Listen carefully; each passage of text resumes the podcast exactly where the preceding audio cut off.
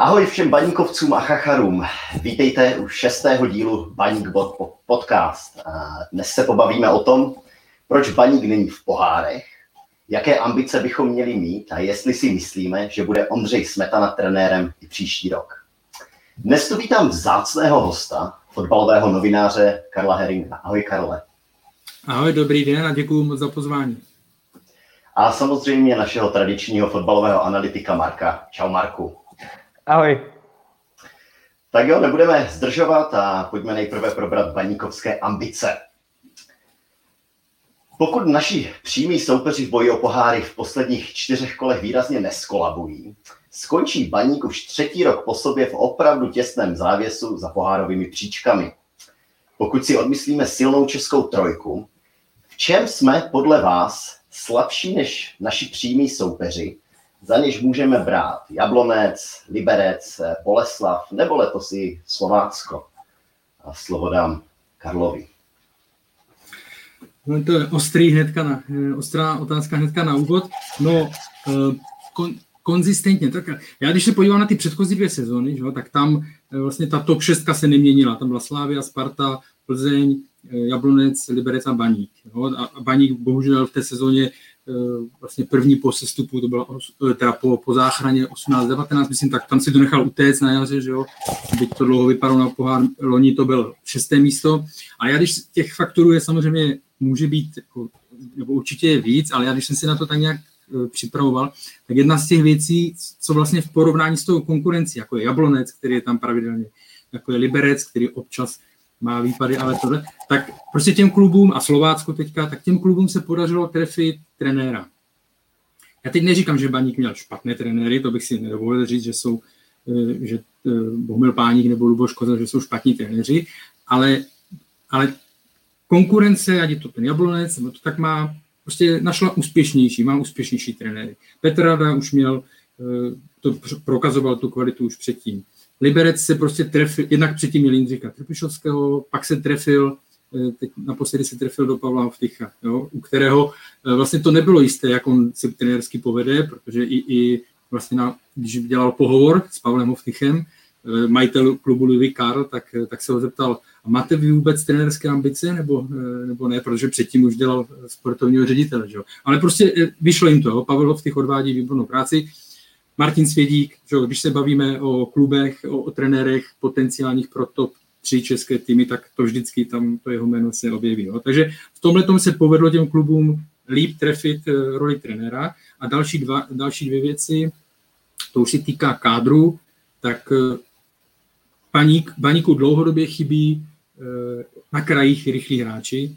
Myslím, že to je prostě dlouhodobý problém porovnání třeba s tou konkurencí a hlavně, co chybí baníku dlouhodobě, tak je to fakt střelec, který nepodařilo se najít prostě kanoníra, jo. frajera, který by dal za sezónu 14-15 gólů. I teďka, já jsem se, mě fakt to překvapilo, ale když jsem se na to díval, tak vlastně eh, De Azevedo má teď 10 gólů, jo, z toho má, myslím, 6 z penalt. A teď jsem se díval, že to je, on je prvním hráčem baníku od sezóny 2007-2008, kdy útočník dal víc než 10 eh, a více gólů. Jo. To je prostě šílený. No, poslední byl mimochodem Václav Světko. Takže to jsou z mého pohledu takové tři, jedny, jedni ze třech faktorů, proč ten, proč ten baník sice už je někde okolo té šestky, ale ještě se úplně nedostal třeba na úroveň Jablonce a tím myslím třeba nějaké to čtvrté, čtvrté místo. Tak já bych ze začátku reagoval na to, že si Honzo říkal v otázce, eh, že baník skončí v opravdu těsném závěsu. Tak je otázka, jestli letos skuteč, skutečně v tom opravdu těsném závěsu jsme. Já si spíš myslím, že z hlediska eh, postavení v tabulce a eh, tedy výsledku je tam spíš negativní progres.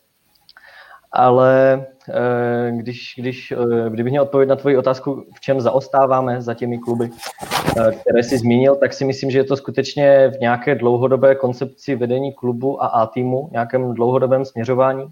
A myslím si, že Baník eh, v sobě řeší takové dva hlavní konflikty. Ehm, přičemž chce sedět u obou konfliktů na dvou židlích. Hmm. A eh, první konflikt, když půjdu, v, co se týká fungování klubu z vrchu dolů, tak si myslím, že je to konflikt mezi příjmy do klubové kasy z pohárů a příjmy pro klub z prodeje hráčů. Ty, ještě je tam potom druhý konflikt, uvidíte, že to se mezi sebou prolíná, ale myslím si, že Baník svým tlakem na výsledky, na tu neustálou touhu se dostat do těch pohárů, trošičku zabíjí tu možnost vydělávat skrze prodej hráčů, protože eh, ten druhý konflikt, který už se odehrává na hřišti, je mezi předvedenou hrou a výsledky. A eh, když, bys, když, když si vezmu tu ambici, že chce Baník eh, se dostávat do poháru a, a, a získávat peníze od UEFI, tak se nebavíme o tom, že by se Baník dostal v blízké nebo středně dlouhé budoucnosti do základní skupiny Ligy mistrů. To asi nemůžeme čekat. A možná se toho ani nedožijeme, ani jeden z nás, že tady dneska sedí. A spíš se bavíme o, eh, o konferenční lize momentálně. A pokud eh, jsem dobře slyšel, jak říkal Honza Podroužek v posledním dílu Zajíce, tak tam je to ve skupinové části odměna pro, pro tým za účast eh, něco kolem 40 milionů korun. A to si přiznejme, nejsou žádné velké peníze. Ano, jasně, je to přibližně čtvrtina ročního rozpočtu baníků, ale na druhou stranu je to jeden lepší prodej eh, jednoho hráče, případně v rámci ligy dva lehce nadprůměrné prodeje. A pak je otázka si vzít, eh, která cesta je vlastně jednodušší a eh, navíc, když ještě vezmu v potaz, že kdyby Baník skončil na nějakém čtvrtém místě, tak by se pořád nedostal do základní skupiny té konferenční, mm-hmm. ale musel být ještě do předkol a ty by musel zvládnout. Mm-hmm. A tam si myslím, že ta cesta je strašně trnitá a že ta ambice, ta pohárová ambice je, je špatně, že je na ní takový důraz. Soustředíme se radši na hru, ta nás, když budeme skutečně mít dobrou hru, tak nás zaprvé někdy dostane i k nějakým výsledkům, ne třeba každý rok, ale budeme se pohybovat někde nahoře, ale zejména budeme produkovat hráče, eh, o které bude v zahraničí zájem. Protože styl hry týmu má vliv na to, jaké hráče klub produkuje. A tedy, jaké hráče nabízí trhu. A když budeme tlačit na výsledky a chtít hrát nakopávaný bojovný fotbal hmm. a získáme 50 bodů, tak to, to neprodává hráče. Hráče hmm, bude prodávat, když budeme získáme bodů třeba 40, ale budou tam výrazné individuality, které budou mít Eh, nějakou nadstavbu většinou do ofenzivy. Zhruba tak vidím, kde, no, kde je ten problém a kde zaostáváme. Je to perfektně, perfektně uh, zhrnuto a já jsem to měl až tady někde v nižším bodu pro, uh, pro případně další téma, ale je to ono. S tou změnou v těch pohárech, tím, že je tam ta liga, vlastně třetí pohár, že jo, který už nebude tak dotovaný. U nás, uh, u nás byla vždycky taková ta jako pochopitelná obsese s účastí v evropských pohárech, což se týká samozřejmě ale hlavně ligy mistrů, kde ty příjmy jsou obrovské, které už tak jako nenahradíte něčím, jo, pokud jste nejlepší kluby. A pak jsou ty kluby, jako je Liberec, jako je Jablonec, jako je, jako je uh, Baník. Jo. Ty kluby, když si vezmeme, tak Jablonec se dostal do evropské skupiny jenom jednou, a to když šel přímo, jo, jestli se nepletu. Zlín se tenkrát dostal jenom taky díky tomu, že šel přímo do, do skupiny. Liberec se dostal teďka letos do, do skupiny a měl zaplať pámbu za to, ale měl obrovské štěstí, protože tam že byly korona problémy, eh, FCSB, klub měl a tak dále, postoupili s velkým, ale dobře, že tam jsou. Takže a teďka, když si vezmeme těch 40 milionů, o kterých se mluví, že to je nějaká polovina Evropské unie, tak si skutečně jako cesta k penězům je mnohem bližší pro eh, přes vychování hráčů, kteří budou atraktivní pro západní, pro západní ligy, nebo respektive pro ty ligy, které jsou ochotné zaplatit za hráče 2-3 miliony eur, protože víc za hráče z klubu, který nehraje v Evropě, víc, víc ty kluby nedají, to by musel fakt být jako unikátní talent. A teď si myslím, že to třeba eh, budou muset začít přehodnocovat i více klubů, nejenom Baník u nás, jestli se nezaměří víc na tady tohle. Já vím, že jsem s tím občas ve fokusu jako podcastu otravný, když eh, zmiňuji ten eh, třeba něco z toho Dánska, ale tam opravdu, tam je jeden klub, který úplně činí nad, nad, nad všemi tou jinou taktikou nebo filozofií. A to je ten FC Nordjylland. To je tým, který má to založený jednoznačně na výchově mladých, který eh, on je spokojený, když skončí v první čestce, o ty poháry mu tak nejde, ale oni vědí, oni hrajou s 18 letýma, 17 letýma, teď tam je i frajer, který má 16. Eh, a oni vědí, že když se všechno podaří, jak má, tak vždycky jednou za rok nebo, nebo jednou za dvě sezony někoho prodají za 5 milionů, za 6 milionů eur, někoho třeba za dva, jo? ale pořád si vlastně tím na sebe vyděláme. A mají to tak zaběhnutý, že teď tam vyskočil 17-letý, 18-letý frajer, který, o kterém nikdo neslyšel v průběhu sezóny, protože byl zraněný a, ve, a dva zápasy rozhodl. Jo? V 90. minutě proti Mitu Lenu na 3-2 a, a pořád to tam jsou schopni generovat. Jo? Takže to je jenom takový, to je extrémní příklad, ale je to opravdu, že je víc cest, jak se soustředit na to, eh, odkud mají ty pří, eh, příjmy pro klub plynout a baník, eh, tak jak, tak jak říkal Marek, baník se musí rozhodnout, která cesta je schůdnější a která je pro něj logičnější. Ten problém, kudy směřovat ten klub, to vidíme třeba na Viktorce Plzeň. Hmm. A i hmm. ve politice. Dokud nebyla na trhu jako nejsilnější hráč Slavia, tak Plzeň mohla přivádět ty, ty eh, nadprůměrné hráče z průměrných týmů, dejme tomu, když tak řekne, lehce nadprůměrných, tahouny Jablonce a Olomouce a tak dál. Ale najednou uh, tihle hráči chodí do Slávie a Plzni zbývají hráči třeba druhého sledu a tak dál a začalo se to projevovat hmm. i na té výkonnosti. Já to, taky jsem zvědav, jestli už to nějakým způsobem přehodnotili, či nikoliv, ale bylo taky patrné, že se s tím perou a, a moc neví, co s tím. Je to tak? Dobrá, tak se posuneme o kousíček dál. Eh, vzhledem k tomu, že už se blíží konec letošní sezóny, eh, dá už se alespoň trochu bilancovat. Byť se na to na zevrubnější sezónní hodnocení zaměříme až v příštím díle. Nicméně, jaké jste měli před sezónou od baníku očekávání a je pro vás tedy současná situace, ať už z pohledu tabulkového postavení, herního stylu, nebo z toho všeho, co se v klubu událo, například trenérská výměna, zklamáním? Marku, vykopni to ty. Tak zklamání vždycky plynou z očekávání, že ano. A já se snažím eh, razit v životě teorii, že je lepší žádné očekávání nemít, protože člověk potom nemůže být zklamán. Bohužel nemám úplně dobrou disciplínu a něco jsem od baníku před sezónou očekával. A tím pádem jsem tedy zklamaný. Já jsem se snažil zůstat nohama na zemi, co se týká očekávání, protože to, co měl před sebou, jaký úkol měl před sebou Luboš Kozel, nebylo nic lehkého. Ale měl jsem zhruba takovou představu, že ten tým bude v průběhu sezóny fungovat lépe a lépe. Měl jsem ale v tomhle uh, směru očekávání i od trenéra Kozla, že bude rázit nějaký svůj uh, stále stejný herní koncept, uh, do kterého bude um, získávat v každém přestupovém období, dejme tomu, Eh, lepší a lepší součástky a tím pádem mu ten stroj bude lépe a lépe fungovat. A proto jsem si říkal, že na podzim to třeba ještě bude docela skřípat, třeba i ještě měsíc po, uh, po zimním přestupovém období, s tím, že se budeme držet na nějakém sedmém, osmém místě na dostřel, bych řekl, a že budeme mít silný finish.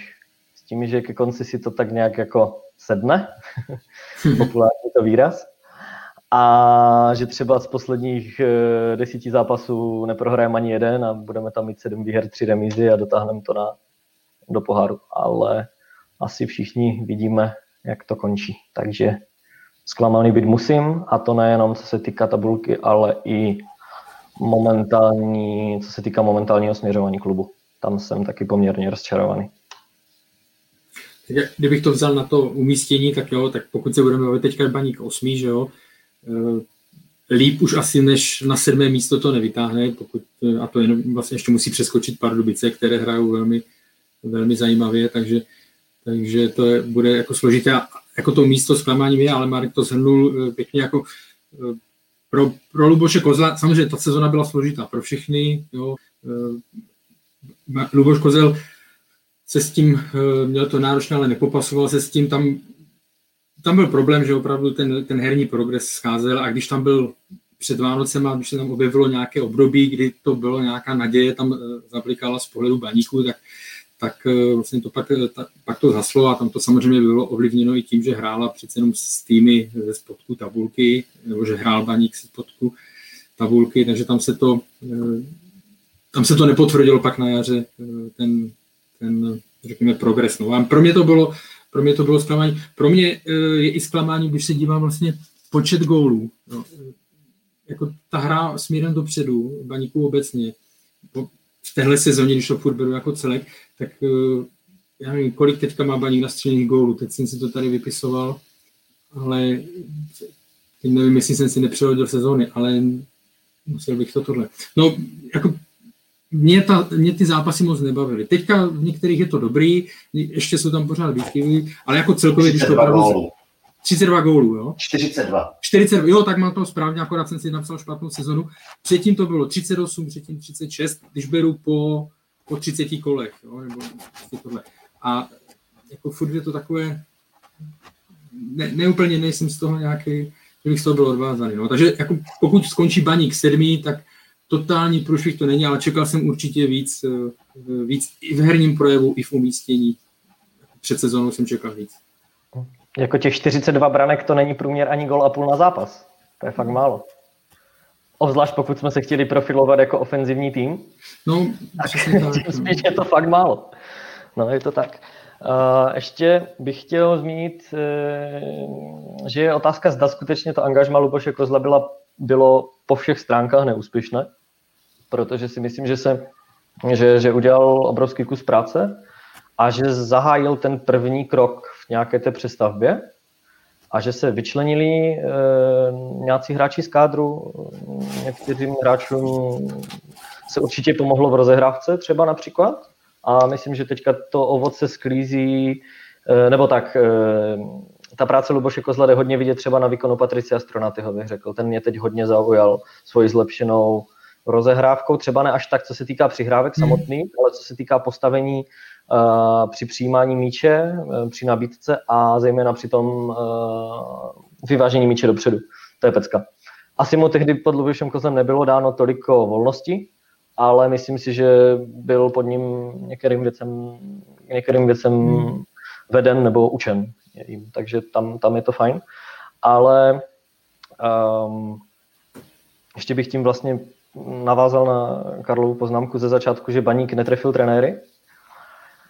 Pokud chtěl Baník eh, skutečně zavést nějakou koncepční práci před rokem a čtvrt, tak to podle mě nemusí nutně znamenat, že trefí jednoho trenéra, který bude v týmu pět let, ale že se bude vydávat nějakým směrem. A to, že se třeba během té cesty udělá nějaký krok lehce vedle, tak by to nemělo podle mě znamenat, že si řekneme, že tahle cesta je nutně špatná a teďka všechno hmm. zahodíme a půjdeme zase úplně někudy jinudy.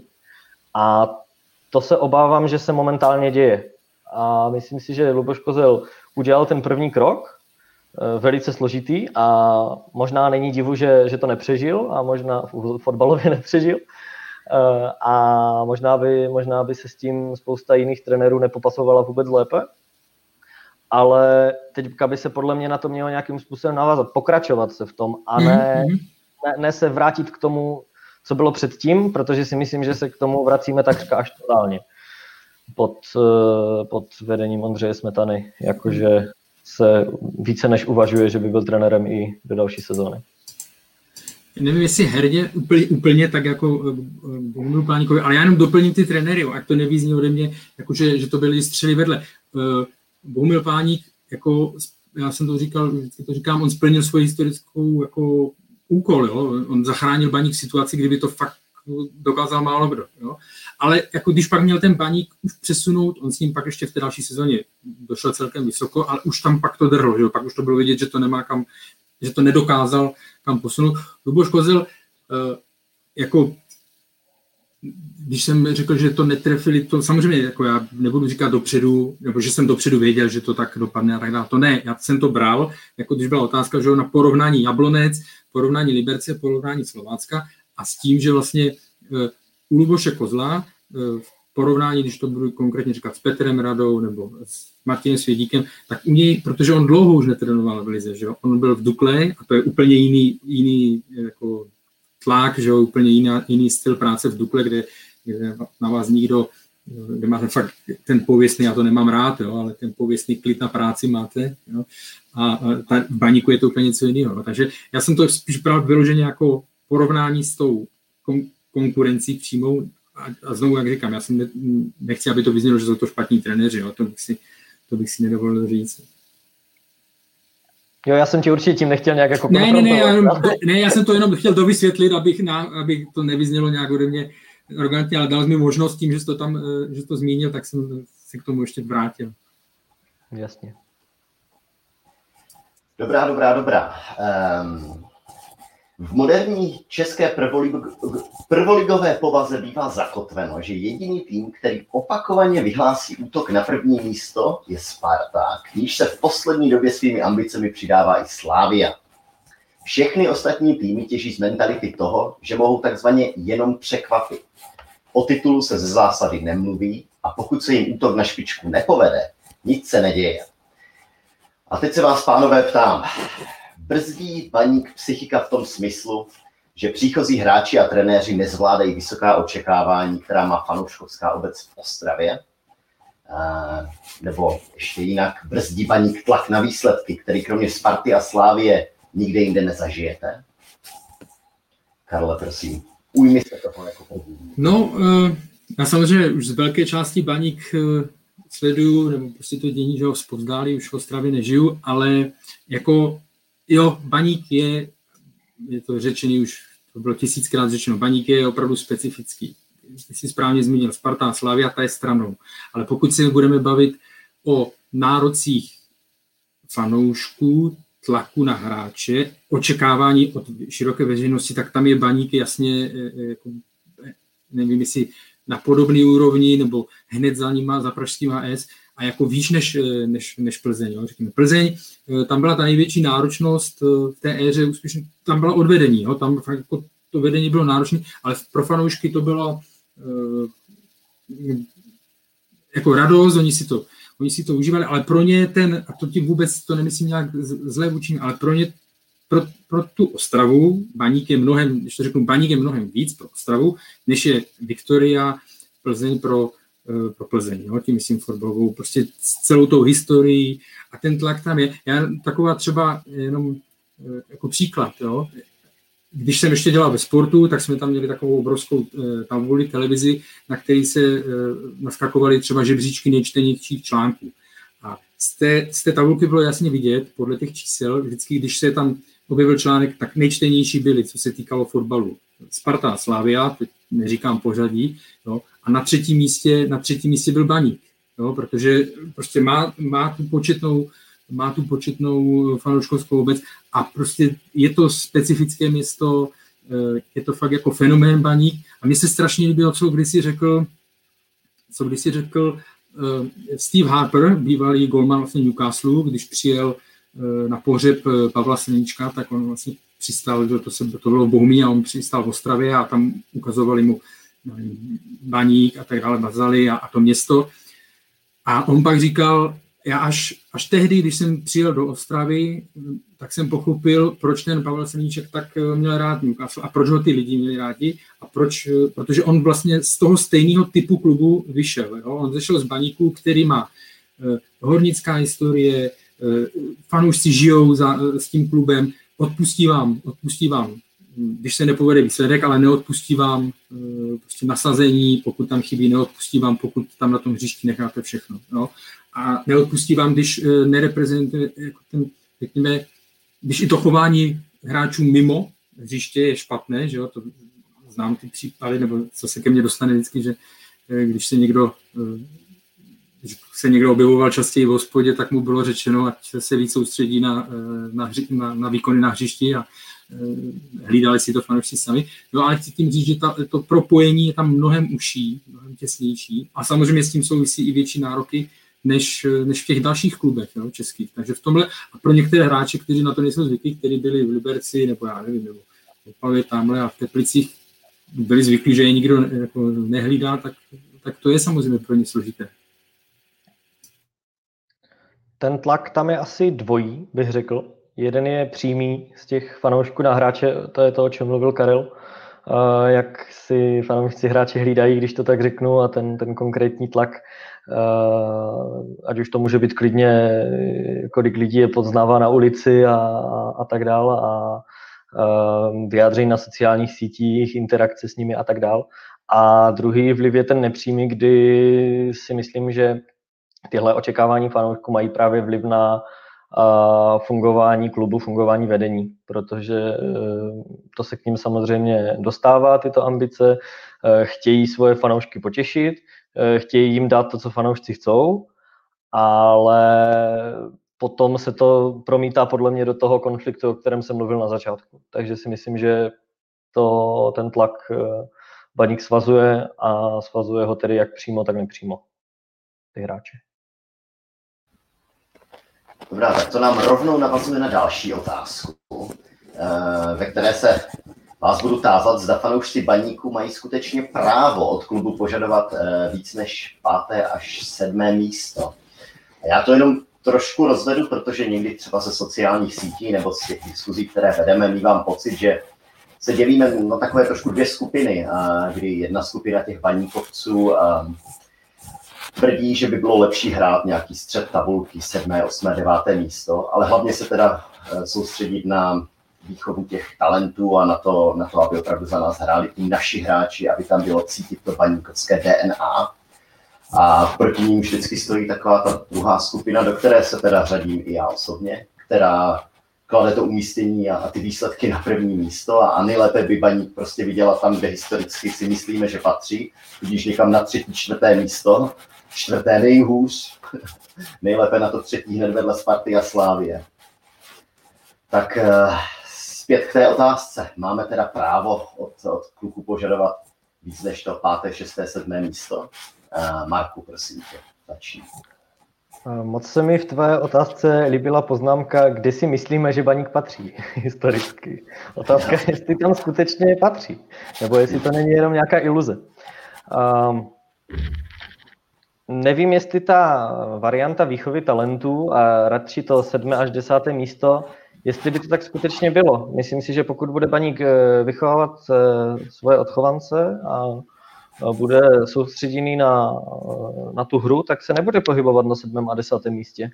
A myslím si, že, že bude výš a myslím si, že bude někde čtvrté, páté, šesté eh, v průměru. Ono samozřejmě může se sejít nějaká generace, která třeba zautočí i na titul, když nějaký, eh, to se bavíme o vzdálenější budoucnosti samozřejmě, eh, o nějaké jedna úspěšná generace starší se třeba už přijede tu kariéru spíš dohrát, k tomu potká eh, generaci šikovnou mladou. Svým způsobem, jak to bylo, jak to bylo v poslední mistrovské sezóně ostatně. A, eh, ale nějaký to dlouhodobě kolem toho čtvrtého, šestého místa, já na tom nevidím nic špatně, pokud ten klub bude skutečně fungovat na nějakých zdravých základech. A že bude mít ujasněno tedy, co chce dělat, eh, jak chce, jak chce fungovat a tak dále.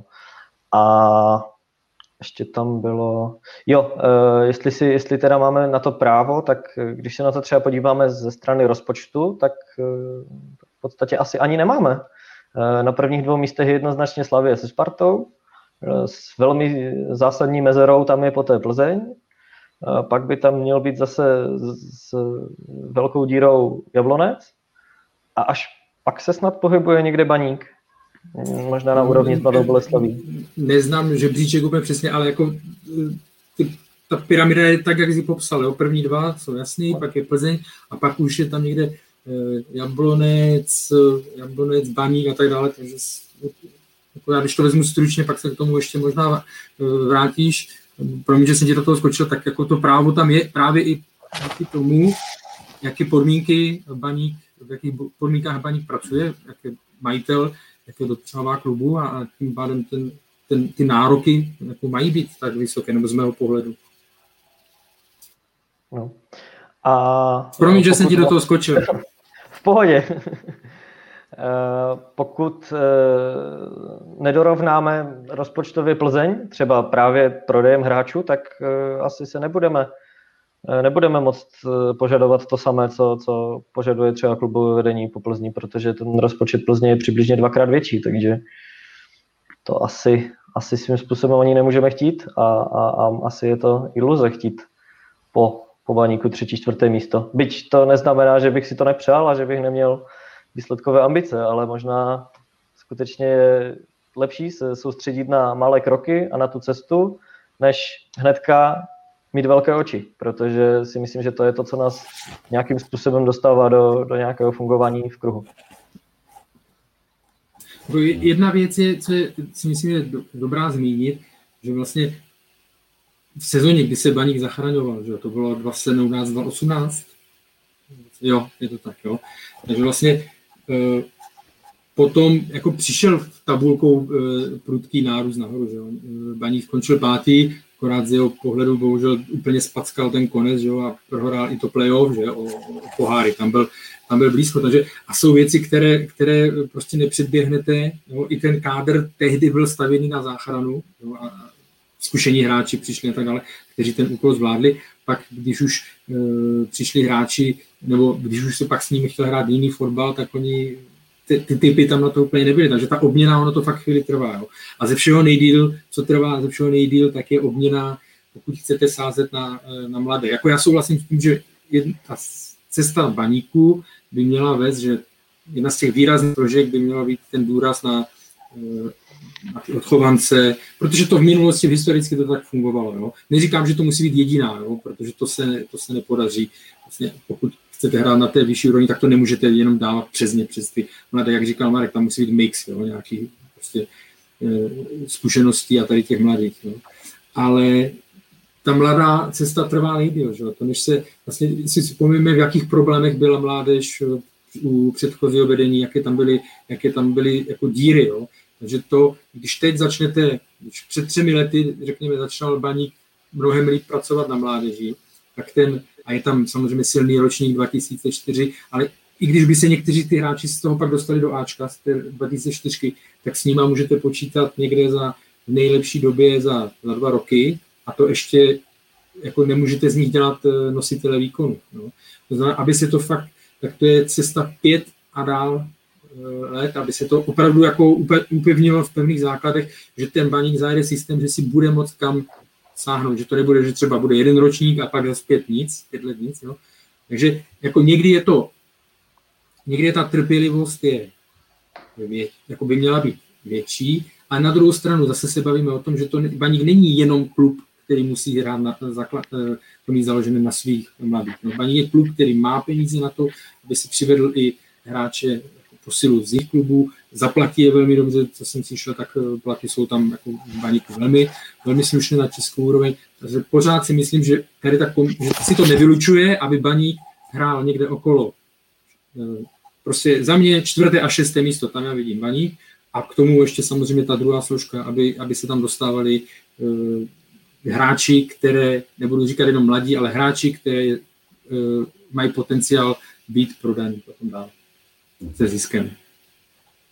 No já, já skočím k jedné z, um, z otázek, že jak to vidíte vlastně příští rok a nezačíná se um, vyplácet, ne, neřeknu úplně naše mládež, ale pod Ondrou Smetanou se chytli zvlášť David Buchta a Filip Kaloč, kteří podávají v posledních zápasech, dovolil bych si říct, až nadstandardní výkony. A myslíte si, že oni dva by mohli teoreticky příští sezonu baník táhnout a třeba dotáhnout i někam výš? Nebo je to příliš, příliš odvážný dotaz? Marku, zkusím to na tebe. Tak nemyslím si, že je to, že je to odvážná myšlenka. David Buchta je, pokud se nepletu, ročník 99. A to znamená, že mu bude e, brzy 22 a to už je podle mě věk, kdy už nemáme za tolik nebo tak, je to věk, ve kterém už máme mít podle mě na hráči nějaká očekávání, byť zrovna David Buchta to ještě tolik neodehrál, ale věkově si myslím, že už je, by to měl být dospělý, dospělý chlap, uh, třeba po fyzické stránce a tak dále. Takže uh, ten nás klidně táhnout určitě může. Paradoxem je, že David Buchta v posledních uh, zápasech předvádí zajímavé výkony, přestože nehraje na své pozici, protože on je, on je eh, hráč do, do středu hřiště, nikoli do, do křídla. Myslím si, že je to let kdy patrné. Eh, jde to třeba i vidět eh, na tom, jaké branky vlastně střílí. Takřka zásadně je to, kdy hraje na levé straně. V momentě, kdy se prohodí na pravou stranu třeba s Azevedem, tak je tam poměrně vymazaný. Jde vidět zkrátka, že to není křídelník a já osobně bych viděl třeba při systému 4-5-1 Pod Ondřejem Smetanou bych jako ideální záložní trojici viděl trojku Jánoš Kaloč Buchta. A s tím, že Dante Tour by byl první volbou i, za Buchtu, i, i za Kaloče, se dá říct. A Filip Kaloč si myslím, že už patří dneska k pevné součástí Ačka, takže oba dva si myslím, že nás můžou táhnout. A v případě, že by jeden z nich měl nějakou obzvlášť, obzvlášť povedenou sezónu, tak proč by vlastně na sebe nemohl upoutat a, a, a třeba si vysloužit nějaký, nějaký přestup. Ostatně ještě jsou čtyři zápasy dokonce i letos a e, David Buchta má z posledních čtyř zápasů 3 plus 1, nepletuli se, a může mít e, stejnou statistiku e, i ve zbylých čtyřech zápasech, kdy se navíc hraje na Spartě a na Plzni, kdy se tedy ukáže, může ukázat i proti ligové špičce. No a klidně se může stát, že o něj může být zájem už teď v letě. Mhm. Já musím říct, já jsem jako opatrnější v tom, eh, jestli už by měli eh, táhnout, ale jako, už by se, pokud by se nedostali už v příští sezóně, dotrvali do základu a nestoupla ta jejich role, tak by to už bylo, eh, už by bylo trošku problém, protože by se někde zastavili, ale jako zmíň, navážu na to, co jsi říkal Honzo, ty, že jako mně se ten, přijde mi, že ti dva hráči pod novým trenérem vlastně udělali největší takový pro mě do očí bíjící progres, jo, že Filip Kaloč hraje já jsem ho měl zaškatulkovaný jako hráče, jako rozbíječe před, před obranou prostě a nic, e, nic víc. Jo? A teď, když vidím některé jeho přihrávky, teď v zápase s Brnem vytvořil dvě, jako dvě skvělé šance, že jo?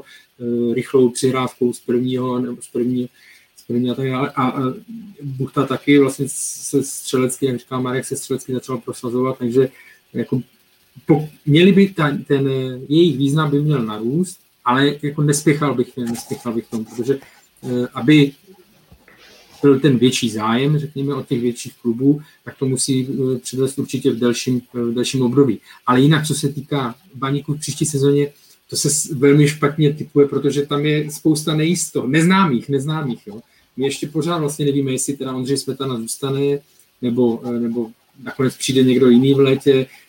Nevím teďka, a s tím vlastně pak i souvisí, no tak jak může baník teďka nebo pracovat na posilách, na posílení, když Eh, jestli už ještě nemá úplně 100% vyřešený trenerský. Pro mě je tam hodně neznámých a tím pádem, když je někde moc neznámých, tak je to takové složité na, na typování, anebo je to složité na optimistické předpovědi. Velmi správně. No. Eh, ještě k tomu, jak jsi říkal, že v nadcházející sezóně, Karle, by měli Eh, už se pevně zakotvit eh, v A týmu a zase se nějakým způsobem posunout, tak přesně z tohoto důvodu já už nedržím nějakou zásadní ochranou ruku nad eh, dvěma hráči ročníku 98, a což je Ondra Šašinka a Denis Granečný, protože zkrátka těch příležitostí, jak se do Ačka dostat, už měli spoustu a nevypadá to, že by jako ani jeden z nich nějak zásadně využil a proto je třeba i prostor, nebo čas dát prostor těm mladším ročníkům, kdy třeba Ondra Šašinka se s Davidem Buchtou i pozičně částečně kryje, no a tím pádem asi už je třeba spíš čas přednostní toho mladšího z těch dvou, kor, když vezmeme v potaz uh, aktuální formu, že ano. Když má čísla, že? No. Ondra Šašinka bohužel tam ten jeden gól, že nebo vlastně ty, ta, ty, no ty statistiky, ty jsou špatné. A to ještě připomeňme, že na ně, protože poprvé nastoupil ve své kariéře Dan Šmiga, což je taky útočník a ten by v příští sezóně teoreticky mohl na, na Ondru Šešinku dotírat. Minimálně co se střídání týče. Jako bylo by no. to, no promiň. že ani Ondra Šešinka vlastně je spíš střídající hráč, takže to je skutečně se, se, se bijou možná docela, docela dost přesně o ty minuty a tím tam už podle mě vůbec není moc co řešit, kterého z těch dvou upředností, co se týká nějakého budoucího výhledu. Tam jediný, co se bojím u těch uh, mladších, a to se netýká baníků, jenom baníků, to se týká i všech uh, ostatních klubů, uh, a v, jako začlenění těch mladých hráčů do, do A týmu, je, co s, s kvalitou nebo s progresem těch mladých udělal tady ten rok, kterým těch 12 měsíců, co máme za sebou, kdy oni vlastně soutěžní zápasy, že když jsem se díval na hráče, díval jsem se na Barkova, poslední zápas na podzim, že prostě tady, a tady ty, ty hráči přišli o, jako to je mohlo zabrzdit, takže ten, ten přerod, který by byl třeba rychlejší nebo plynulejší, tak se může v tomto směru eh, jako opozdit, nebo může být trvat déle, než by to si to vzalo eh, normálně. No a, a vlastně jsme se ještě bavili o tom, že baník musí vyplnit nějaké díry, co se týká co se týká fungování mládeže a už když by je začal zaplňovat, tak ty ročníky teďka jsou zastaveny tady tím, což, což je zase obrovský problém. A když jsme se ještě uh, bavili o tom, že, že, že ti odchovanci uh, třeba generace 2004 uh, o nějakém případném případných významných rolích v A týmu se můžeme bavit až o době za 4-5 let třeba, tak eh, zase se narážíme na herní styl, podle mě, kdy v momentě, kdybychom chtěli hrát, eh, dejme tomu, techničtější fotbal, eh, fotbalovější a tak dál, tak určitě budou mít více šancí si do něj dostat dříve, když budeme hrát fyzicky náročný fotbal s nakopávanými míči, se souboji, odražené balony a tak dál a tak dál. Takže možná i z tohohle pohledu by stálo se zamyslet nad tím, kam vlastně to herně chce baník směřovat, protože to má návaznost na, eh, na zapojování těch, těch mladých hráčů z akademie, čímž se chce baník vlastně, vlastně profilovat. Přesně tak, ta cesta je v úvozovkách jednoduchá, musí, eh, musíš hrát, jako vždycky se tady mluví že o tom, že v Nizozemsku tam už se nebojí hrát se 17 letýma, 18 letýma a tak dále, a je to ten jeden z těch důvodů je, že prostě ta liga je techničnější, ty týmy jsou víc nastaveny na, na fotbal ofenzivní, útočný a těm mladším klukům eh, takové, eh, taková, takový styl hry vyhovuje mnohem lépe pro tu adaptaci, než tam, kde je to takticky svázaný, kde je to agresivní, kde je tam eh, spousta faulů, což bohužel Česká liga taková je, to ty statistiky jasně potvrzují, takže jako, jo, ale zase je třeba strašně důležitá věc, je, když si teďka vezmeme, eh, vždycky, když se objeví nějaký trend nebo menší trend, tak jsou kluby, které pak nad tím začnou uvažovat a začnou přemýšlet, jestli to neskusit taky. A to je, byť je to samozřejmě velký rival baníku, nebo tohle, tak to, to Sparta. Jo? Když vidíme, že se Sparta nebojí dát šanci uh, Vitíkovi uh, jo, v 17 letech, tak pak si už musí v baníku přemýšlet, vlastně proč třeba do konce sezóny neskusit v jednom zápase, já nevím, po Spartě, pak Zlín, myslím, doma, jo. Tak proč neskusit, eh, já nevím, eh, Kukučku, jo, dát mu, dát mu šanci, protože kdy jindy, jo. Teď už Baník fakt, jestli skončí sedmi nebo osmi, tak už je to jedno, jo. Tam, tam není rozdíl v penězích, jak v Premier League, kde mezi je otázka milionu, dvou liber, jestli skončíte sedmi nebo osmi. Tak jo, proč nedat? A vidíme, že prostě Sparta hraje tam Karabec, hraje tam Hložek, takže i ty ostatní kluby, které které mají dobrou mládež, se kterou počítají, že ji začnou začlenovat, tak eh, možná začnou víc, eh, víc riskovat, eh, dodá jim to víc odvahy to zkusit. Tak to, proč nedostává šanci Ondra Kukučka teďka a co se vlastně obecně odehrává na pravém stoperu, to asi nějaké své důvody hmm. má a nemyslím si, že jsou úplně zdravé teda. Tak rozveď nám to trošku. Při, přiznám se, že nevím, že nejsem úplně inside, insider v tomhle nejsem. Tak eh, já si to interpretuju eh, takovým způsobem, že eh, v baníku jsou tři praví stopeři. Když je, se řadím se stupně dle věku, tak je to Jarda Svozil, Kuba Pokorný a Ondra Kukučka. S tím, že do příští sezóny předpokládám, že chce baník vytvořit Ondrovi Kukučkovi nějaký herní prostor, a to se z pozice třetího hráče na daný post bude dělat jenom těžko a asi by měl těch minut velmi podobně, jako jich má letos. A tím pádem si myslím, že jeden z dvojice Jarda Svozil, Kuba Pokorný bude muset jít z kola ven. A já si osobně myslím, že, si, eh, že se vedení rozhodlo si radši ponechat Kubu Pokorného.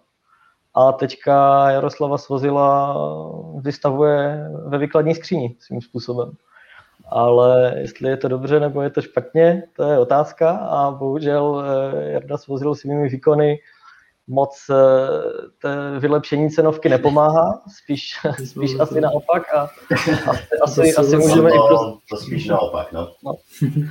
A ten výkon s tím Brnem byl prostě slabý, no. To, to si asi nemusíme, nějak malovat. Ne, že by byl sám no, eh, se slabým ne, výkonem obraně. U toho teda. gólu nebyl jenom on, tam jich bylo víc, ale byl to jeden z těch, přes kterého, přes kterého hladký, hladík eh, přešel. Je to no tak, a... no. A ještě, ještě můžu, Honzo? Tak uh, asi můžeme dokonce i prozradit, že uh, tam byl i velmi konkrétní zájemce o služby Jardy Svozila. A to byla Mladá Boleslav, ale v posledních dnech či týdnech momentálně od toho zájmu ustoupila. S tím, že samozřejmě přestupové období ani nezačalo, takže se ještě může stát lecos. Eh, neznamená to, že, že je to nějakým způsobem uzavřené, ale, ale je to nějaký tah, který zatím moc nevychází. No.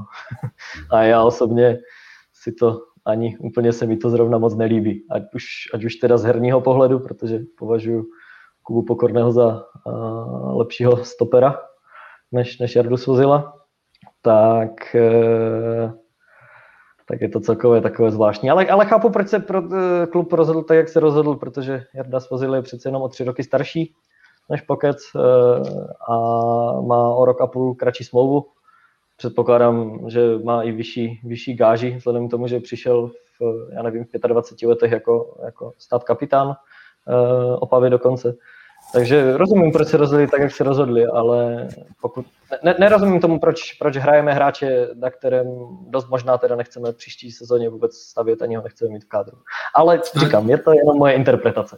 Ale v tom baník není jediný. Jo. Viktorka Plzeň ta se netají tím, že Jakub Brabec, že tam končí a že vlastně eh, ho potřebují taky jako nevím, budu říkat slovo prodat, protože nevím, kdo teďka jako by za ně zaplatil částku, kterou Viktorka za něj bude chtít, ale, ale hraje prostě pořád, i když formu na to nemá, nebo respektive tam byl zraněný, že nejde, ale, ale jako za normální situace by asi eh, třeba párkrát i měl sedět, ale hraje pořád. No. Takže jenom, že Baník v tom není sám. Mm-hmm.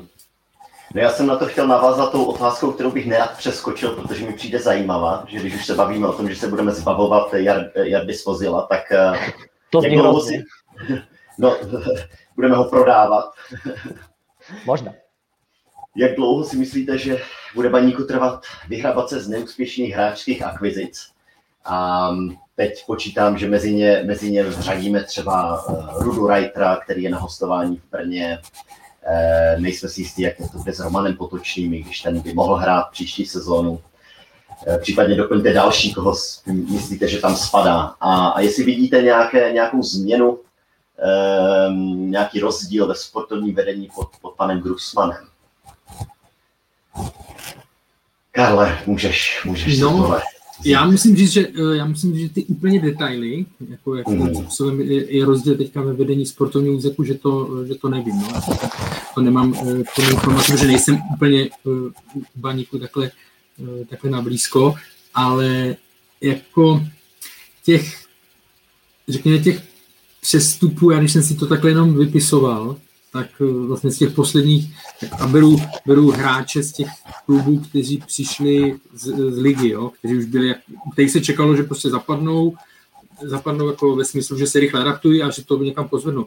Tak opravdu jich vyšlo, eh, vyšlo jich málo. Jo. Tak řadím mezi ně ty, co se podařilo, tak řadím eh, Daniela Tetoura, tam si myslím, že to funguje. Bohužel u Tomáše Zajíce je to furt takové jeden zápas, jo, dva zápasy ne, tam je to hodně, hodně nekonzistentní, Juroška je víceméně zraněný a pak uh, Rudolf Reiter, to je flop, pokud to takhle můžeme nazvat, že jo, i v Brně, uh, byť tam měl nebo má zdravotní problémy, tak taky nehraje. Většinou je na lavičce uh, Lalkovič, to se taky nepovedlo, svozil, svozil hrává, že jo, ale taky, jak jste říkali, asi je na cestě. Takže jako ta úspěšnost by měla být, by měla být větší. Jo. A Baník se hodně jeden čas se hodně zaměřil na e, nákup hráčů z Opavy, která vlastně jako přišla do, do ligy jako nováček, byli tam zajímaví hráči, ale teď je zase otázka, jestli e, můžete koupit jedno, dva, ale jestli jako hráč od nováčka, nebo který hraje většinou e, o záchranu, jestli klub jako Baník, jestli on ho herně někam posune, jo, je jich víc těch hráčů. Jo. Takže jako nevím, jestli to byla uh, úplně ta, nej, ta to, správná cesta. No. Ale těch přestupů, jako když to zhrnu, detaily neznám eh, toho nového, eh, toho nového způsobu, ale těch přístupů, jako který, u kterých bych si mohl Baník udělat jako fajfku, že se to povedlo, tak uh, aspoň takhle z mého pohledu moc není. Teda. Je to tak, no. Uh, ještě jak jsi zmínil Dana Tetoura, tak to momentálně ho hodnotíme jako dobrý přestup, Ale otázka, jak se mu bude dále vést, eh, pokud bude hlavním trenérem Baníku Ondřej Smetana. To jde vidět, že on to tam má pod ním těžší, než měl pod Lubošem Kozlem. Zase na druhou stranu byl to takový v uvozovkách fotbalový syn Luboše Kozla, takže tam měl zase velmi prominentní postavení.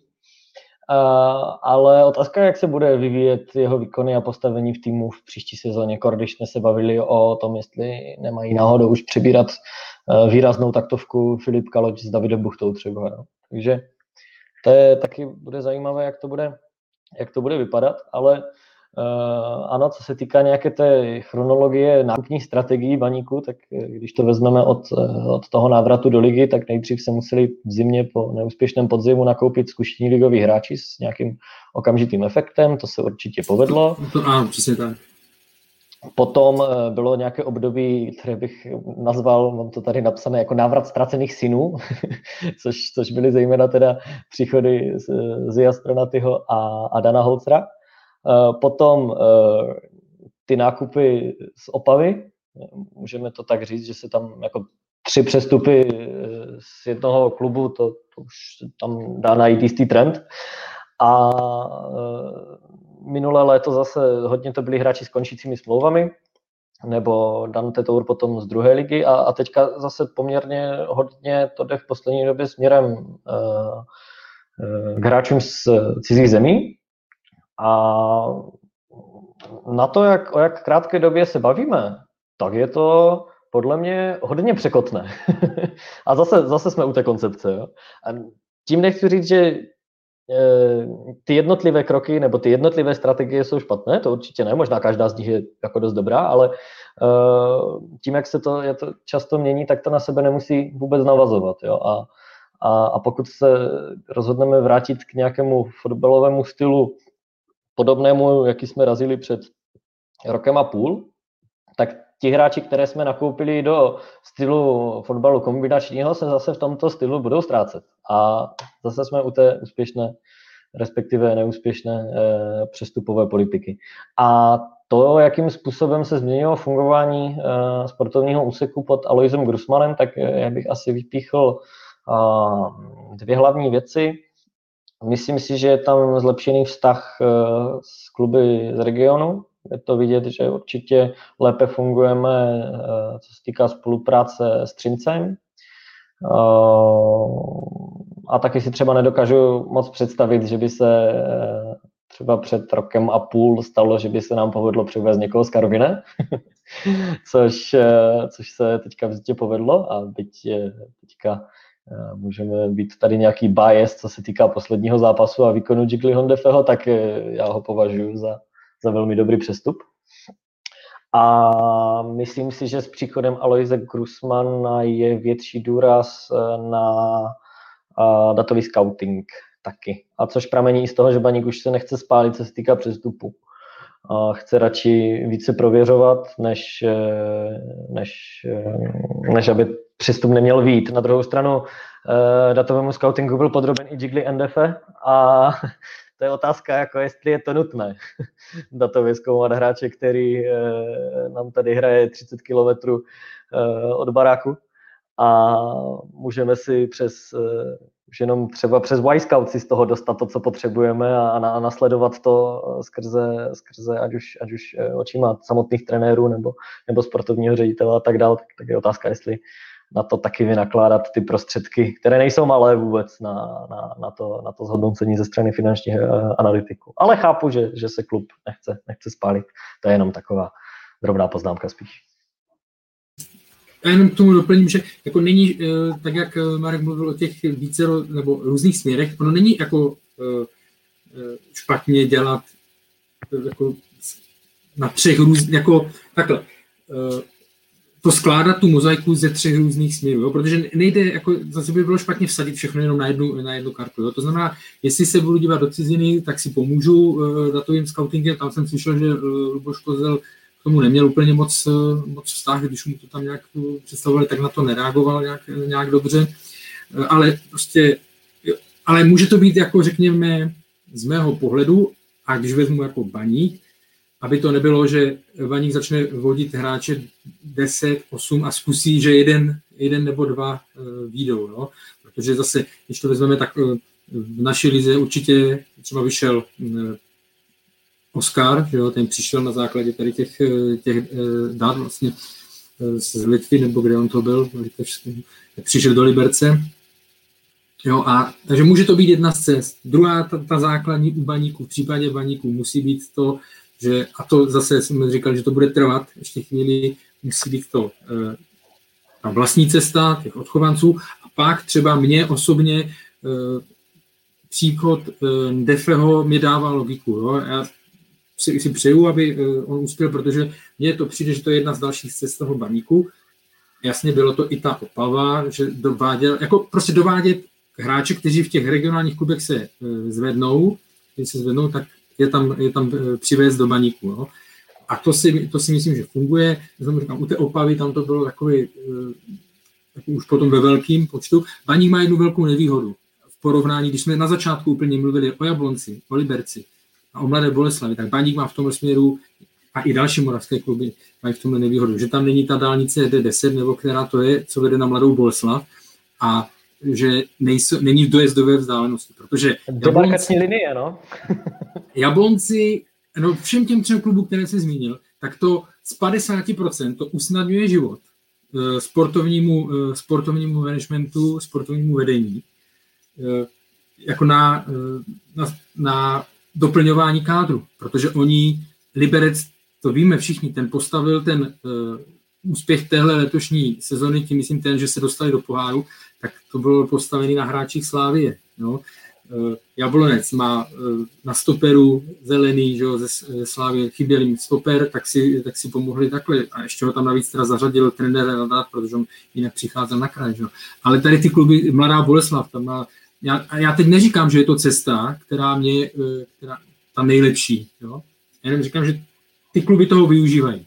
Baník to nemůže, Baník si musí najít svoji cestu, je to možná složitější o něco, ale zároveň, když se to podaří nastartovat, eh, rozjede se ten, eh, řekněme, ten motor se podaří nakopnout a rozjede se to, tak může být na tom eh, jako profitově líp v budoucnu z prodejů hráčů, než třeba Jablonec, protože Jablonec, když si vezmeme tu sestavu, tak on na tu naše ligu je to, je to jako nadstandardní, ale který hráč tam má prodejní potenciál no, z Jablonce. Když vezme pravý back uh, Holík, nespletu Libor, tak uh, ten už ustrnul, nebo teď v téhle sezóně se mi nelíbí. Jo, ten to byl hráč s potenciálem a teď se mi nelíbí.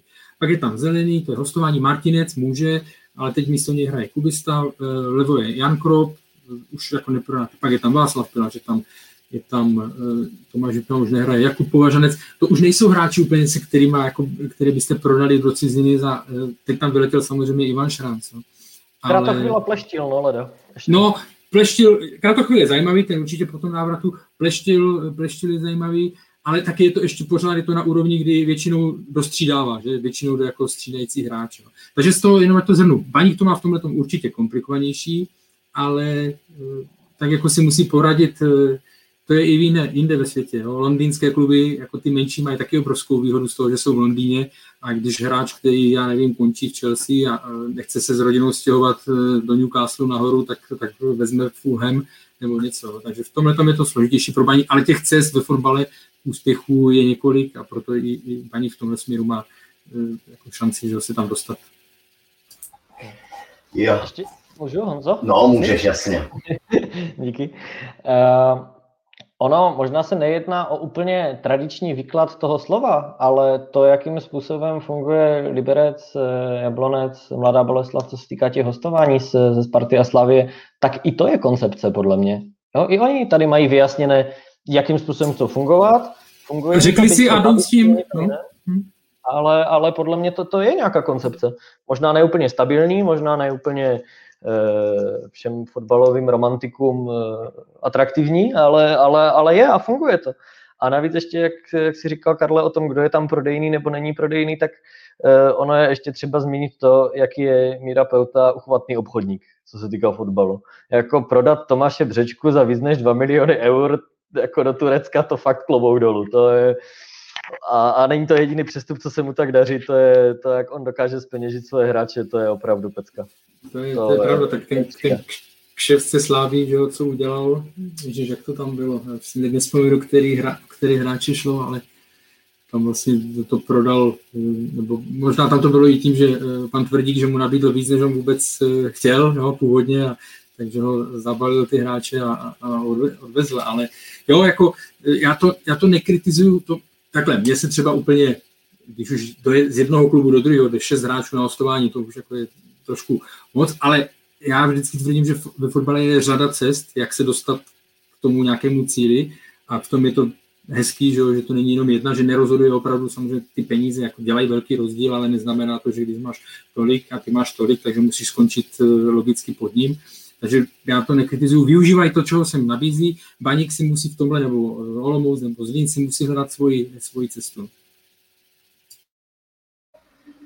Tak jo, protože nás tlačí čas a chceme probrat ožehavé téma Ondřeje Smetany, tak já m, e, některé otázky přeskočím, ale jenom bych rád vložil takovou krátkou reklamní vsuvku, protože Karle, ty stojíš za čtvrtletníkem Football Club, e, říkám to správně, a chtěl bych se tě jenom zeptat, jestli nám doporučíš třeba nějaká čísla nebo nějaké články o baníku nebo něco takového.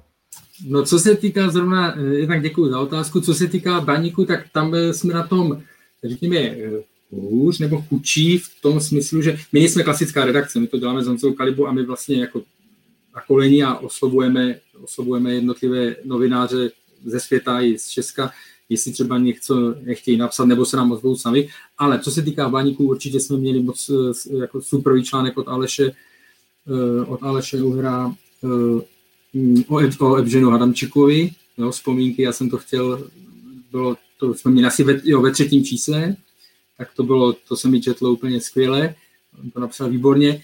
Dalších konkrétní mi teďka nenapadá, ale zrovna v posledním čísle, kde máme sice na titulní straně, e, máme tam jako kladiváře, někde to tady aj mám vidět, kladiváře a je tam jako jeden, jako hráči, čeští hráči ve Vezdemu a je tam i Luděk Mikloško, o kterým já strašně napíšu, protože ty jeho ta jeho, jeho příběh a ty jeho historky z Vezdemu, když mi vyprávěl, tak to jsem se u toho tak eh, řezal. Takže eh, ten, původ, ten úvodní text je o Češích ve West. Jo? A on to samozřejmě otvírá, protože byl ten první, je tam eh, mimochodem scénka, jak on se vlastně dostal poprvé na stadion, jo, on přiletěl v den zápasu s trenérem tehdejším Lou Makary, nebo manažer, si ho přivezl, oni přistáli v Londýně na letišti, sedli do metra, žádný auto, sedli do metra a jeli na, jeli na stadion a on mu říká, já teď spěchám, já jdu na, na předzápasovou poradu a ty si běž sednout, jo. No, tak on si eh, šel sednout, pak ho ten šel udělat poradu, hrál zápas za chviličku, jako myslím trenér, no a Luďka Mikloška vytáhli o poločase na, na plochu a, on říká, já jsem neuměl vůbec nic, já jsem anglicky jsem znal tak tři slova, no a teď mi dali, teď mě představili před stadionem, tam asi teda fanouškům, tam bylo asi 20 tisíc lidí, no a teď mi dali mikrofon a něco řeknu, tak já tak to viděl Mikoško říká, hello, zamával a odešel z trávníku. Takže, tam, ale, takže přes něj to mám postavený, ale je tam i Tomáš Řepka, je tam i Radoslav Kováč, Vladimír Coufal a, a Tomáš Luček samozřejmě. No, jsou tam tři ale věřím, že i ty texty. Vlastně. A jsou tam přesně tak. No. A jsou to tři, tři ex, ex baníkovci. Byť k jednomu z nich se nehlásíme. Mm. Taky ne. Je to vzájemné.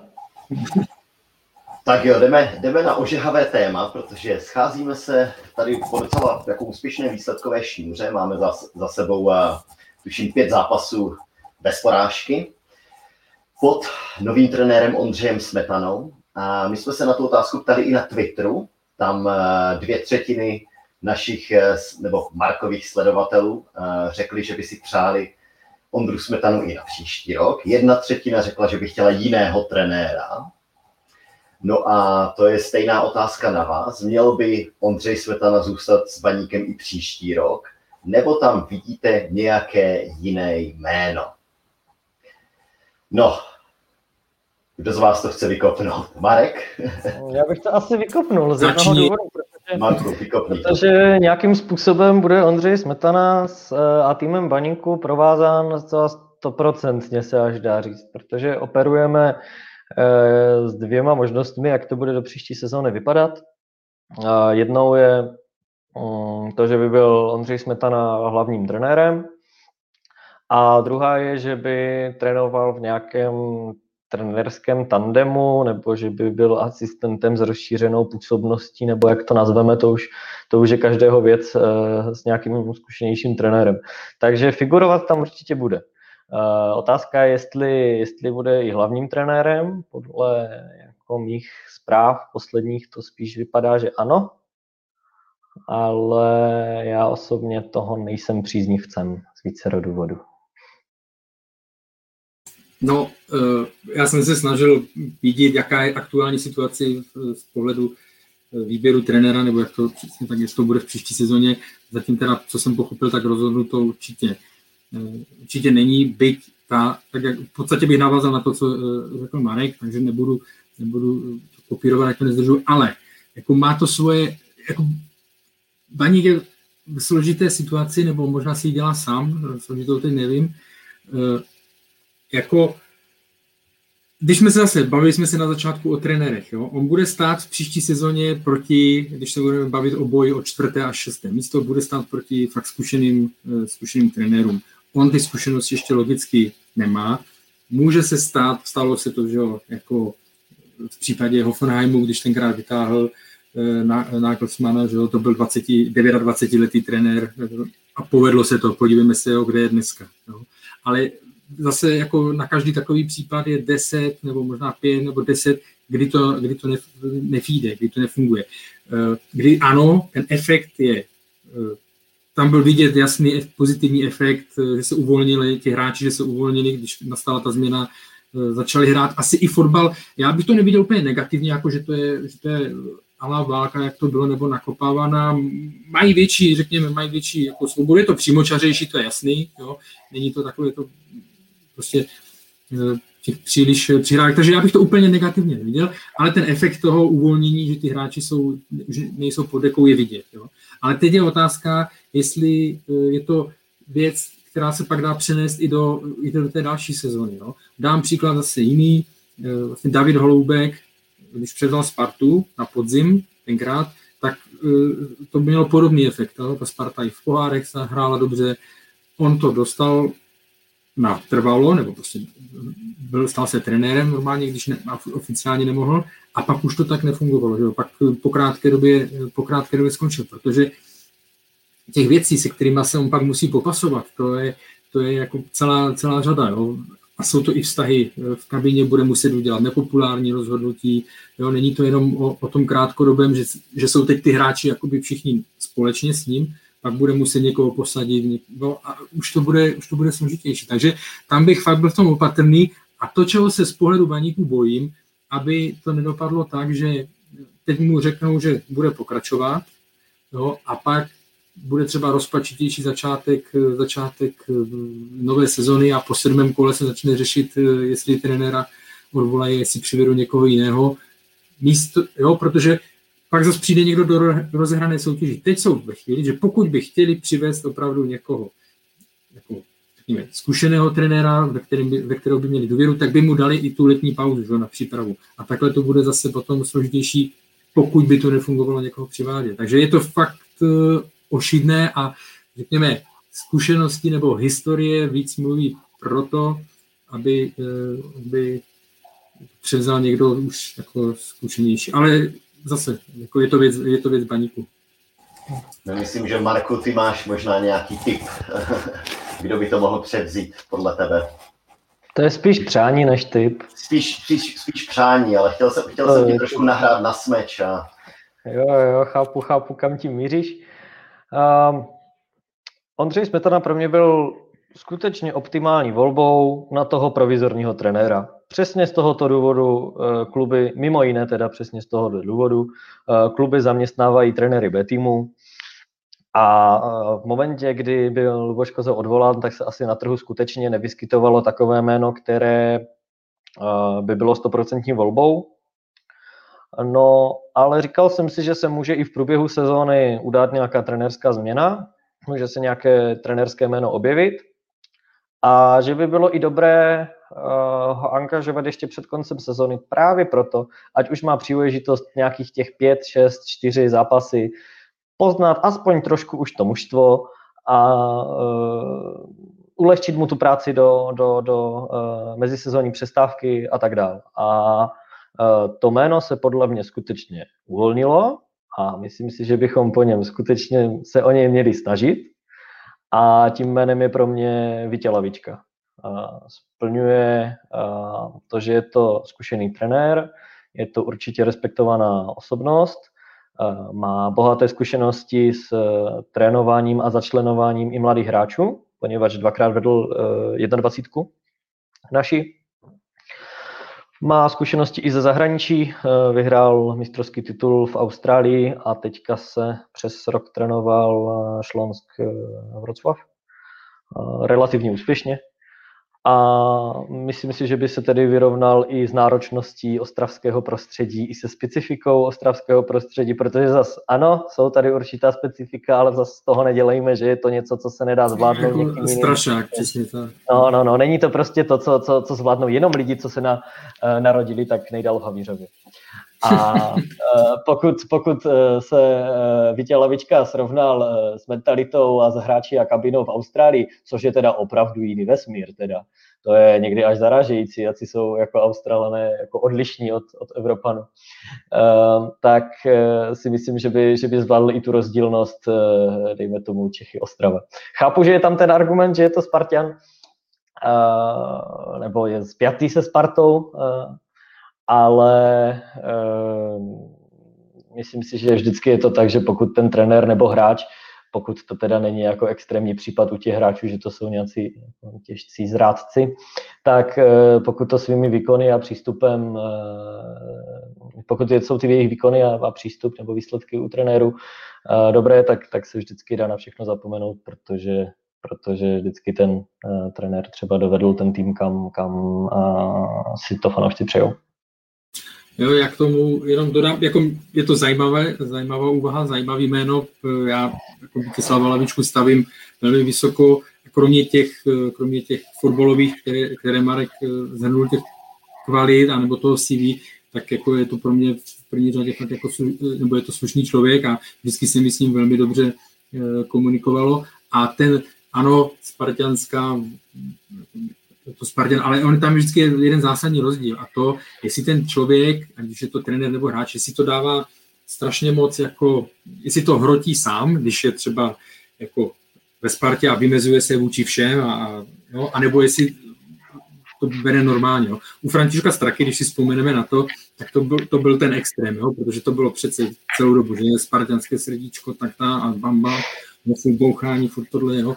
A pak najednou tam třeba si myslím, že to je nepřekročitelný. Jo? A on, on, ten krok udělal, tu chybu a vzal to. Jo? Ale jako v případě Vítězslava Lavičky, teď budeme jenom se bavit v teoretické rovině, jo? protože ty informace nemám, nebo eh, já je nemám, jestli probíhá něco nebo ne, ale u něj si to e, dokážu představit, že nevidím tam žádný, žádnou bariéru v tomto směru, která by to mohla, mohla nebo proč by se kvůli tomu nemělo o něm uvažovat.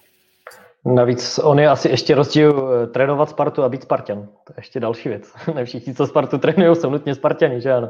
Ale jako teď to, že on, jako on to vždycky říkal, že, že je eh, Spartan, ale jako tím, jak to říct, no, jako tím slušným, nedával to, jo, v porovnání, když tam dám třeba Františka Strachu, jo, tak to je úplně, eh, úplně něco jiného, že jo, a jako nemyslím si, a on tím, jak si zmiňoval Polsko, Austrálii, tak on tím ukázal, že se umí adaptovat eh, na, na rozdílné podmínky, že mu to nedělá, že mu to nedělá problém, takže jako za mě by to byla hodně, hodně zajímavá volba.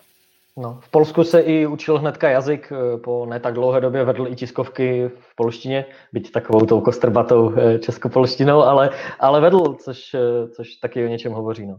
Ne, už i to, v jaké situaci on šel do Austrálie, jo, že on tenkrát neum, jako angličtinu neměl nějak perfektní. Jo, a už to, že se do toho pustil, myslím si, že pro jeho dcery, že to byl vlastně vklad do života naprosto fantastický, protože tam rok začali tam studovat angličtinu a tak dále a oni, on jako byl v tomhle výborný. Já si ho pamatuju, jestli teda to můžu odbočit, jak udělal pokrok v angličtině, tak já si ho pamatuju. Toho mi bylo strašně líto.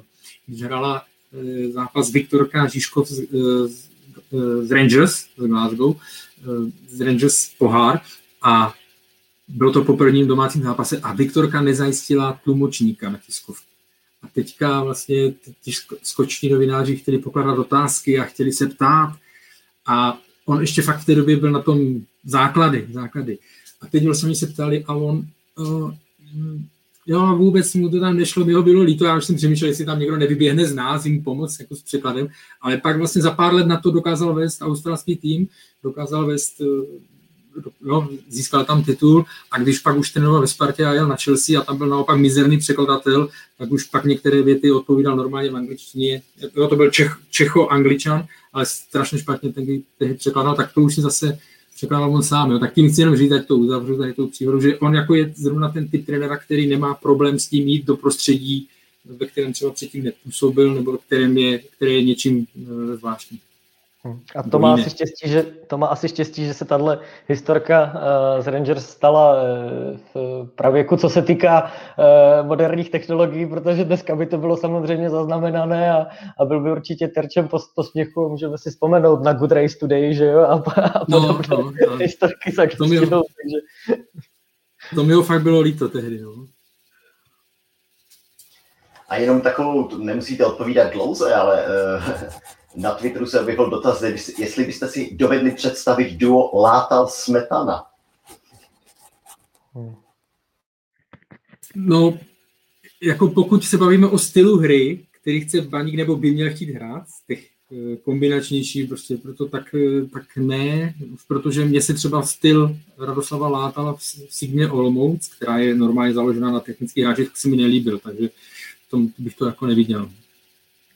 Jo, to bych měl, to bych měl velký problém teda se sledováním klubu, protože i taky proto, že když to tak vezmu, tak v posledních, eh, ježiško, už to je eh, přes pět let, co, co vlastní baník eh, Václav Brabec, tak všechny ty kroky jsem schopný nějakým způsobem chápat a pořád v vidím nějakou cestu.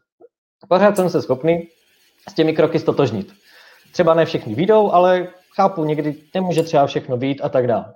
Ale toto by pro mě byl jako úplný až nesmysl, se mi chci říct. Jo? Nebo, nebo zase rozumím, je to legenda eh, hráčská, eh, ať už teda celého českého fotbalu, eh, Sigby Olomouc a konec konců i baníku, jasně, mělo by to smysl z, z, mnoha, z mnoha pohledů, ale, ale přesně tak z toho, z toho, jak by se asi baník chtěl profilovat, tak, eh, tak to podle mě není úplně ono a my se eh, v angažma eh, Radka Latala v Signě krom hry teda zásadně nelíbila hmm. ta komunikace směrem ven a dost možná teda i s kabinou. To chci říct, že, že co, jsou ty informace, tak spolupráce s ním není vůbec, není vůbec jednoduchá. No. No, ale, a, a, ale co se týká té fotbalovosti, tak eh, jako Ondřej Smetana podle mě nemá zase tak daleko k tomu stylu, který praktikuje i Radek Látal. Jo? Jako, když třeba si vezmu v potaz ten zápas jako s Brnem, ten poslední, tak tam, co se týká zakládání útoku, tak nebylo, nemohli jsme moc vidět jiný přechod do útoku než, než vysoký dlouhý míč. A e, já nemám žádný problém s rychlým přechodem do útoku, ba naopak, ale nemusí se vést pouze vzduchem, ale může se vést třeba i po zemi a myslím si, že teréna na to byl, oproti třeba zápasu na Bohemce, kde to opravdu v děličku, kde, kde je těch zápasů uh, plno, tak tam, tam skutečně ten povrch není, není dobrý. Uh, ale problém spatřuju i taky v tom, že v momentě, kdy nevíde rychlý přechod do útoku do otevřené obrany soupeře, tak uh, není žádný plán B. V momentě, kdy se ten tým sformuje, ten soupeř sformuje, tak znovu eh, je zakládání útoku většinou postavené na dvou, třech přihrávkách vzadu a dlouhém balonu dopředu. A mě, mě to mrzí tohle, mě to ani moc nebaví sledovat, nespatřuju tam mnoho jako zajímavých taktických nějakých prvků a tak dál, což, což třeba byť je, třeba neříkám, že angažmá Lubuše Kozla nebo ten fotbal byl optimální, to v žádném případě ne a proto to taky skončilo tak, jak to skončilo, ale uh, já jsem si tak v každém zápase tam našel něco, co mě jako zaujal, nějaký trenerský krok, nějaká myšlenka, proč to chtěl třeba udělat takhle a to tam tolik takové, ne, není to z tohohle pohledu moc zajímavé, ten fotbal pro mě aspoň osobně. Proto bude zajímavé léto, jak to v baníku vyřeší. Už se moc těším, moc se těším. No a úplně teď už eh, dotaz na závěr, kterým to uzavřeme. Ehm, pokud teda Ondra Smetana zůstane u týmu, myslíte si, že bude umět jednotlivé hráče nějak posouvat? má, má ten cit, má ten talent, bude toho schopný? To já nedokážu, nedokážu posoudit. Já, když jsem si k němu zjišťoval věci, že v Bčku, tak když přicházel do Bčka, tak tam jako s ním byli spokojeni, že ty výsledky tam přišly. A když to jenom stáhnu na ty dva hráče, o kterých jsme mluvili, to znamená Filip, Filip Kaloč a David Buchta, tak, tak u nich nějaký progres určitě vidět je, jo. Ale, ale fakt jako bych zase nechtěl takhle ne, neznám o tolik dopodrobna tu jeho práci, abych, abych v tom nedělal nějaký větší, větší závěr, to se omlouvám.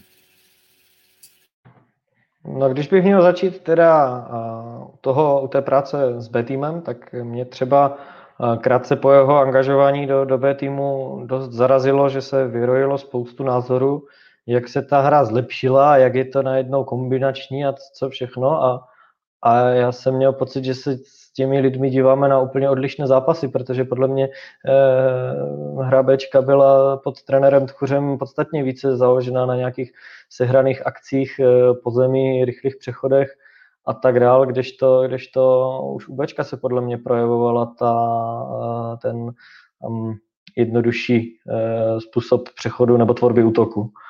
A teď to vidíme i dále, ale určitě je třeba, uh, ať nejen kritizuje, tak uh, ten, ten, ty, ty příklady Davida Buchty a, a Filipa Kaloče jsou, jsou zřejmé. S tím, že v, u Filipa Kaloče je to podle mě zejména tím, že se mu našla konečně dobrá role že jo, trenér nechal hrát v to, v čem je nejlepší, si myslím. A eh, až spíš teďka bude eh, růst výkonnostně, co se týká rozvoje samotných těch schopností, protože zatím teprve teď byl nasazen na tu svoji pozici.